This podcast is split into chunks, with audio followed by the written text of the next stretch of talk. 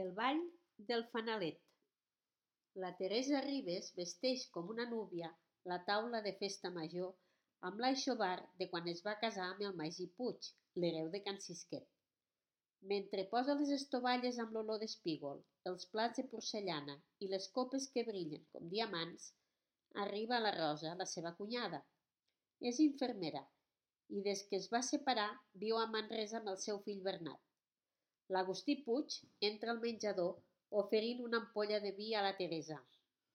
Un gabernet de la collita del 81. Perfecte per als canelons. És el cavaler, un home tranquil amb un posat seductor que el fa interessant. Viu sol a Can Granotes, una petita finca de vinyes situada als afores del poble de Meià. S'estima la terra i amb el temps ha sabut treure profit de l'or i un tros de vinya que raja un bon vi.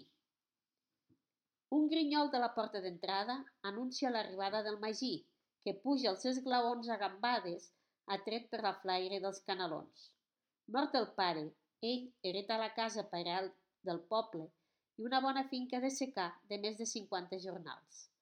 Durant uns anys, hereus i cavaler menaven les finques, però cada vegada els costava més entendre's i van decidir anar cadascú pel seu compte.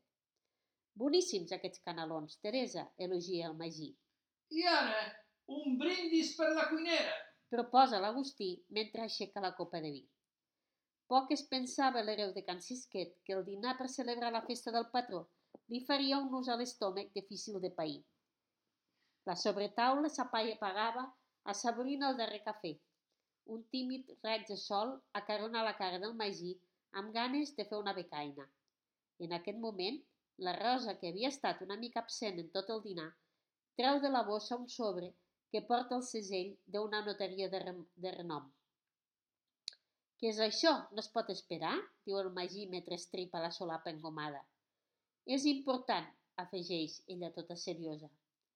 La legítima? Amb què em vens ara? Però tu saps el que fas? T'has begut l'enteniment.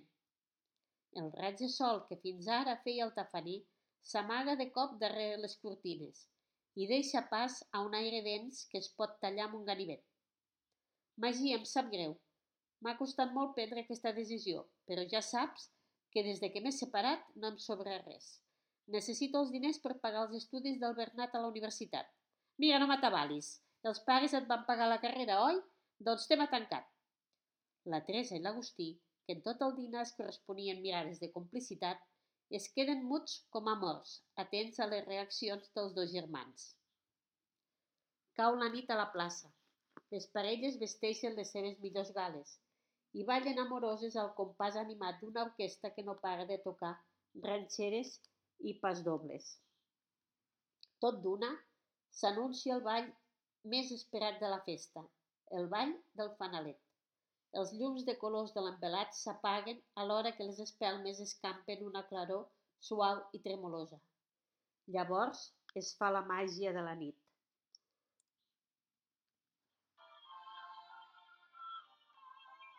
L'Agustí s'apropa a la Teresa amb un fanalet encès a la mà. Balles? Li diu amb una mirada insinuant. I el magí? respon la Teresa estranyada. Aquest ball és per nosaltres. Ell mateix m'ho ha demanat. Diu que avui no està per orgues. El vals els penetra per tots els sentits i els embriaga com el vi més exquisit. Mentre saboreixen el moment que haurien volgut etern, no s'adonen que són els protagonistes, els darrers que han aconseguit mantenir la flama del fanalet encesa com un presagi de l'escalfor que els cremava per dins. La Rosa, que havia estat més avorrida que un soldat fent guàrdia davant la torre de defensa, veu l'escena des del balcó. Renoi la Teresa té cops amagats. Que bé que balla amb el cunyat. Ara entenc moltes coses. L'endemà, el dia es lleva serè.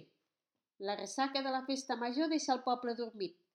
La Teresa, que fa hort a Can Granotes, agafa decidida el cistell i enfila el camí pedregós de secar fins a arribar a la masia on l'Agustí l'espera amb ànsia com cada dilluns. Aquest, però, serà diferent. La Rosa, recelosa, la segueix. En arribar a la casa empeny la portalada que és mig oberta. Es troba amb el cistell buit de la Teresa en un racó de l'entrada i com que no veu ningú, baixa a poc a poc les escales estretes de pedra. Agustí! crida. Cap resposta. Un, una llum ensupida al fons del celler projecta l'ombra dels amants. La Rosa recula en silenci amb el trofeu a les mans, orgullosa d'haver descobert el desllorigador de la capsa dels trons, i sense perdre temps torna a decidir al poble per explicar-li tot al Magí. Anem a Can Granotes i ho aclarim tot d'una punyetera vegada, respon, ferit com un animal salvatge. En arribar a veure la bassa, l'hereu atura el cotxe i pren el claxon de manera insistent. Ah, sou vosaltres! M'heu espantat. Què passa res? S'exclama l'Agustí des de la porta de casa, amb una bota vella de vi a les mans. Avisa la Teresa que hem de parlar. Tenim una conversa pendent, no creus? La Teresa, quan veu el cotxe, ve apressada de l'or mentre entortilliga el davantal per aixugar-se les mans. Magí, què passa? pregunta neguitosa. Ho sé tot. La Rosa m'ho ha explicat. No em fa gràcia ser la riota del poble. Ah, és això. Volíem deixar passar la festa major. Hem pres la decisió de viure junts aquí a Can Granotes. I no pateixis, renuncio a tot, diu la Teresa decidida. Només em faltava això ara. Vosaltres dos fotem-me banyes i tu, Rosa, amb la legítima, exclama rancorós. A veure, Magí, no t'equivoquis. Ja n'hi ha prou de pensar que la germana no té dret al que li pertoca, contesta la Rosa.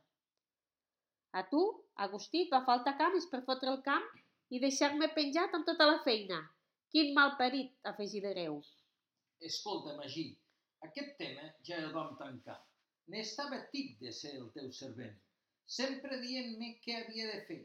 Ni el rei t'hauria estat més bon mosso. Estimo la Teresa des de fa anys i, a fe de Déu que hem provat de deixar-ho córrer. Aquest va ser un altre dels motius pels quals vaig marxar de casa quan us vareu casar. Jo també cedeixo la meva part per tal que la Rosa tingui la legítima. Exposa l'Agustí amb serenitat, adreçant-se a la germana, li diu Ara ja tens el que volies, oi? Calia explicar-li tot? Quin poc tacte!